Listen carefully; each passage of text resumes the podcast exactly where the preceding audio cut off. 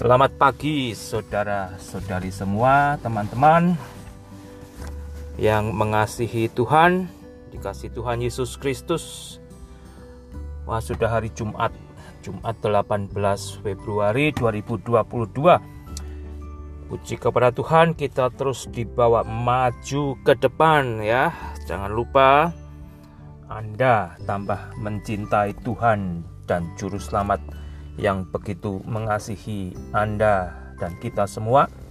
Dengan satu pengucapan syukur yang terpancar dari kehidupan kita, kehidupan yang dirubah, kehidupan yang semakin menunjukkan ketaatan, kehidupan yang semakin menyatakan jikalau saya dan Anda dimiliki oleh Yesus, Yesus hidup melalui apa yang kita kerjakan Nikmati saudara kekristenan Anda, nikmati hari ini juga sebagai orang Kristen. Saksikanlah kalau Anda ada orang-orang yang lebih muda di antara keluarga Anda, di antara tempat di mana berada, untuk menjadi alat yang menuntun mereka yang lebih muda, ya, menjadi kesaksian bagi mereka yang lebih muda, bagaimana hidup bertumbuh di dalam Kristus. Saya mau membaca dari kisah para rasul, saudara ya. Di hari ini saya akan memulai membaca kisah para rasul mulai ayat pertama demikian bunyinya. Hai Theophilus, dalam bukuku yang pertama aku menulis tentang segala sesuatu yang dikerjakan dan diajarkan Yesus Jadi penulis kisah para rasul ini telah menuliskan buku pertamanya ya, tentang apa yang sudah dikerjakan dan diajarkan oleh Yesus. Dan buku ini yang disebut kisah para rasul dalam bahasa Indonesia oleh penulis ini dipersembahkan kepada Theophilus. Ayat kedua, sampai pada hari Yesus terangkat. Ya. Jadi penulis ini telah menjadi saksi mata tentang pekerjaan dan pengajaran Yesus sampai Yesus terangkat. Sebelum itu, ya, sebelum Yesus terangkat, Yesus telah memberi perintahnya oleh Roh Kudus kepada rasul-rasul yang dipilihnya. Tentunya Anda tahu, rasul-rasul yang dipilihnya di sini adalah kedua belas rasul, termasuk Yudas yang pada akhirnya mati menggantung diri. Ya. Jadi kalau masih ada rasul-rasul sampai sekarang, mereka bisa disebut rasul karena melanjutkan pekerjaan rasul-rasul tersebut, tetapi tidak bisa disamakan dengan rasul-rasul tersebut karena rasul-rasul ini kalau Anda baca mendapat pilihan langsung ya dari Yesus, mendapat perintah langsung dari Yesus ya. Tetapi ada selalu ada ya di dalam kekristenan mereka yang memaksakan ya, bahwa mereka adalah sama dengan ke-12 rasul yang dipilih Yesus. Tetapi mereka tidak mau menyamakan dengan Yudas. Mereka maunya disamakan dengan rasul-rasul yang terkenal ya seperti Paulus, Petrus, Ayat ketiga, kepada mereka Yesus kepada murid-muridnya rasul-rasul yang dipilih Yesus itu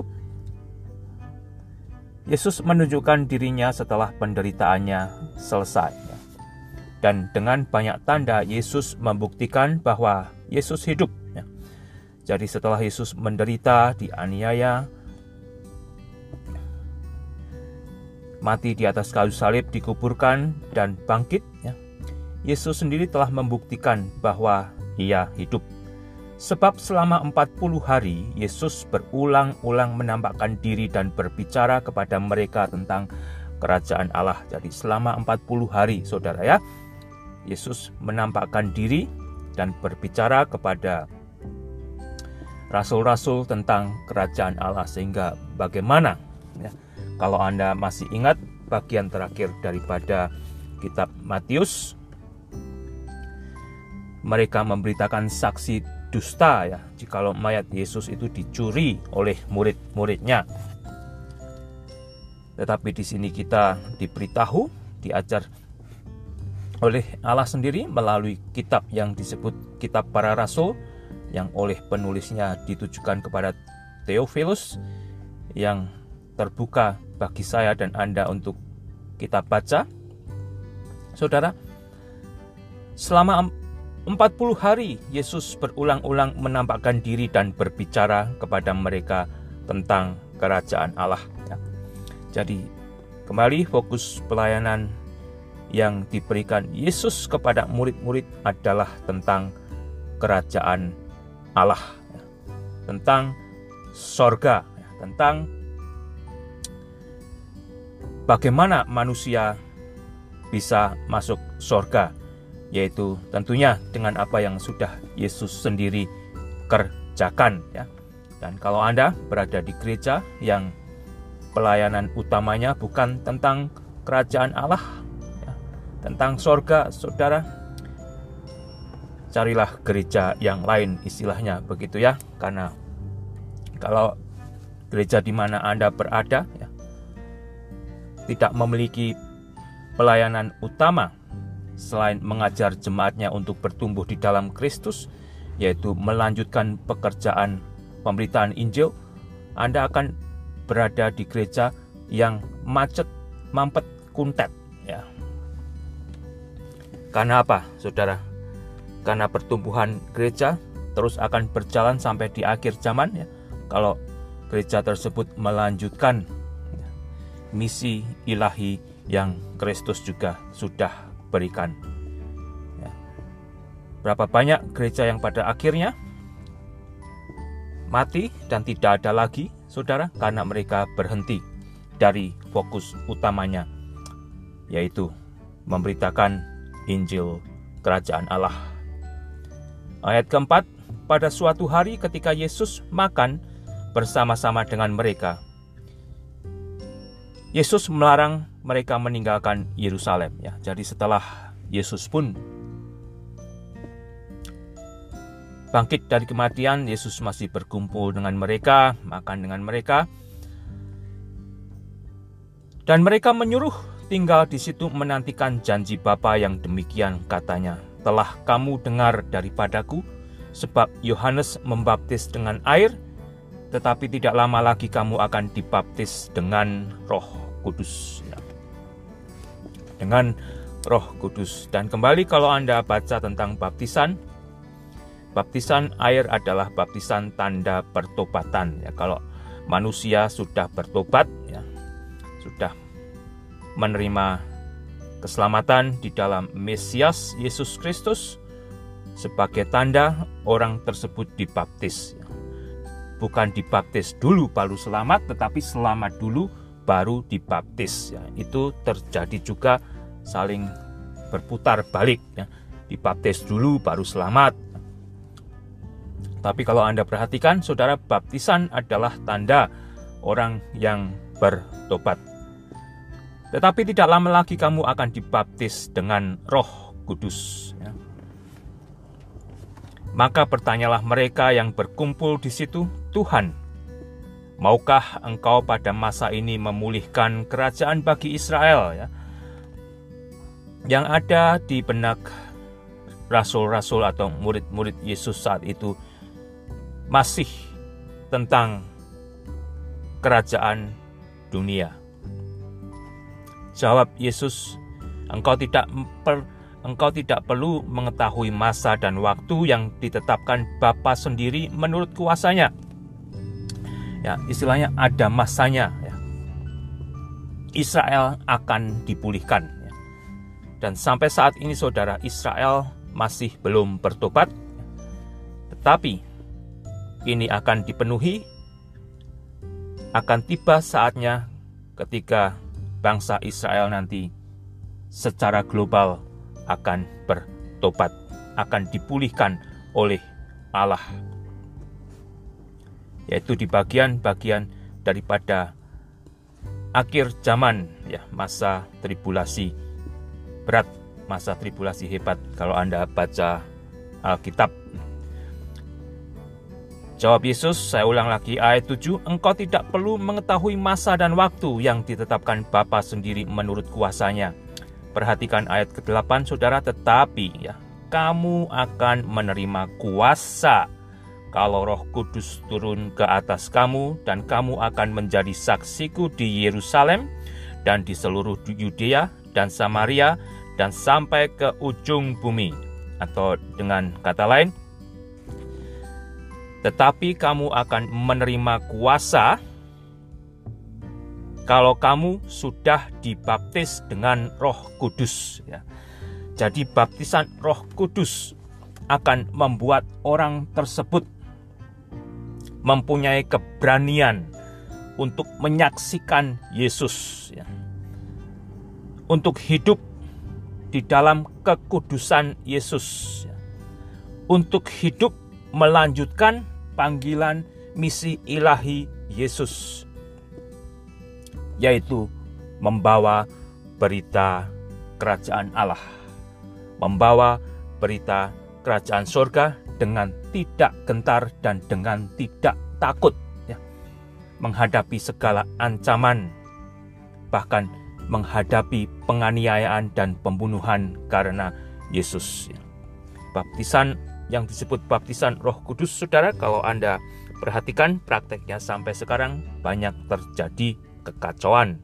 Ya, Anda harus cocokkan kembali kepada apa yang diajarkan oleh Alkitab. Baptisan air adalah tanda pertobatan. Kalau orang tersebut sudah bertobat, percaya dan istilahnya sudah diselamatkan. Dan baptisan Roh Kudus diberikan Tuhan dan orang yang menerima baptisan Roh Kudus tersebut akan memiliki keberanian, akan memiliki istilahnya tenaga, kuasa, power untuk menjadi saksi Yesus, untuk menjadi saksi Yesus ya, bukan untuk yang aneh-aneh. Itu yang juga terjadi di antara gereja-gereja ya, sebagian gereja Saudara. Anda boleh mengaku telah dibaptis dengan Roh Kudus, tetapi kalau kehidupan Anda sendiri tidak di dalam kekudusan Tuhan itu sebetulnya sudah menunjukkan kebohongan ya. Kebotongan gitu istilahnya Saudara ya.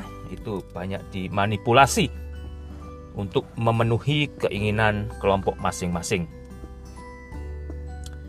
Ayat 9 Sesudah Yesus mengatakan demikian, terangkatlah Yesus disaksikan oleh mereka.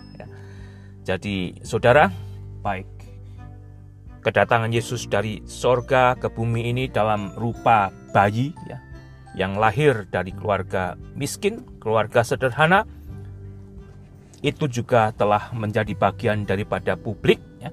Kehidupan Yesus menjadi bagian daripada publik. Pengajaran Yesus telah disaksikan kepada publik. Ya. Yesus ditangkap, Yesus dianiaya, Yesus difitnah, pada akhirnya Yesus mati di atas kayu salib, ya. Yesus bangkit dari kematian, dan Yesus naik ke surga. Ini semua menjadi tontonan publik, ya. menjadi sejarah dunia, sejarah yang hidup di peradaban manusia. Ya. Apakah Anda sudah menyadari akan hal itu? Jikalau ini benar-benar terjadi saudara, bukan hanya dongeng demi dongeng ya, kayalan demi kayalan. Ini bisa menjadi seperti cerita kayalan ya, karena tidak ada saudara orang ya yang lahir kemudian mati kemudian bangkit ya, kemudian terangkat ke sorga disaksikan oleh mata banyak sekali orang itu tidak ada ya kecuali Yesus sendiri Yesus adalah satu-satunya yang telah mati, hidup, dan tidak mati lagi. Saudara, semoga apa harapan saya dan tentunya kerinduan Allah Anda percaya kepada Yesus yang hidup ya, dan bertobat. Dan kalau Anda sudah bertobat, biarlah Anda juga dibaptis dengan air sebagai tanda pertobatan, dan Anda juga boleh berdoa agar Anda dibaptis dengan baptisan Roh Kudus, ya. agar Anda mendapatkan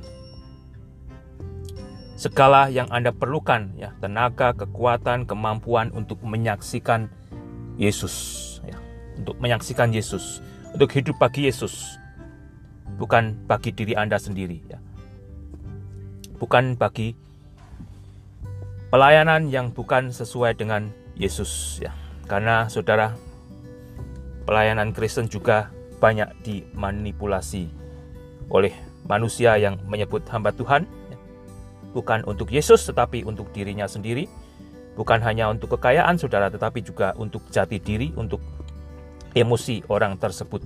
Tidak selalu untuk mencari untung meskipun ada yang mencari untung ya. Pelayanan untuk mencari kehidupan. Saya baca lagi ayat ke-9 tadi sesudah Yesus mengatakan demikian terangkatlah Yesus disaksikan oleh mereka dan awan menutupi Yesus dari pandangan mereka. Perhatikan ayat ke-10. Ketika mereka sedang menatap ke langit, waktu Yesus naik itu, ya, apa yang terjadi saudara? Tiba-tiba berdirilah dua orang yang berpakaian putih dekat mereka.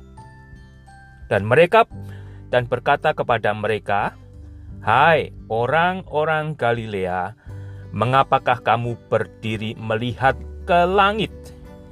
Yesus ini yang terangkat ke sorga meninggalkan kamu akan datang kembali dengan cara yang sama seperti kamu melihat dia naik ke sorga. Kedua, orang yang berpakaian putih ini membawa nubuatan Allah.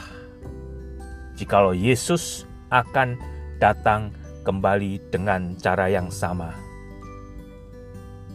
yaitu berbicara tentang kedatangan Yesus yang kedua kali yang akan disaksikan oleh banyak saksi mata ya bukan kedatangan Yesus untuk menjemput jemaatnya tetapi kedatangan Yesus ya, untuk mendirikan kerajaannya yang Anda bisa yang Anda bisa baca di Wahyu Anda bisa baca di Wahyu pasal ke-19 Saudara Itulah pembacaan Alkitab yang saya boleh bagikan saat ini. Ya. Cerita Alkitab itu hidup, saudara. Firman Allah itu hidup. Ya. Anda baca dari waktu ke waktu, dari tahun ke tahun, ya. Makanya ada yang membuat istilahnya program membaca Alkitab satu tahun. Setelah satu tahun Anda baca lagi tahun kedua, ketiga, terus saudara itu hidup berbicara dan tambah membuat kita mengerti jalan ceritanya yang sudah terjadi, yang sedang terjadi, dan yang akan terjadi. Dan yang jangan lupa saudara kalau Anda sudah bertobat, Anda sudah percaya, bahkan mungkin Anda sudah dibaptis dengan baptisan air, yang Anda jangan lewatkan, mintalah agar Anda dibaptis oleh roh kudus. Ya Anda bisa berdoa, Tuhan, penuhilah aku dengan roh kudusmu, sehingga aku akan menjadi saksimu menyaksikan bahwa aku milikmu ya menyaksikan siapa engkau yang telah menyelamatkanku ya menyaksikan bahwa sebetulnya dunia ini yang nomor satu yang mereka perlukan adalah engkau. Engkau telah memberikan nyawamu mati bagi dosa dunia dan biarlah Tuhan melalui diriku manusia datang dan menerima keselamatanmu.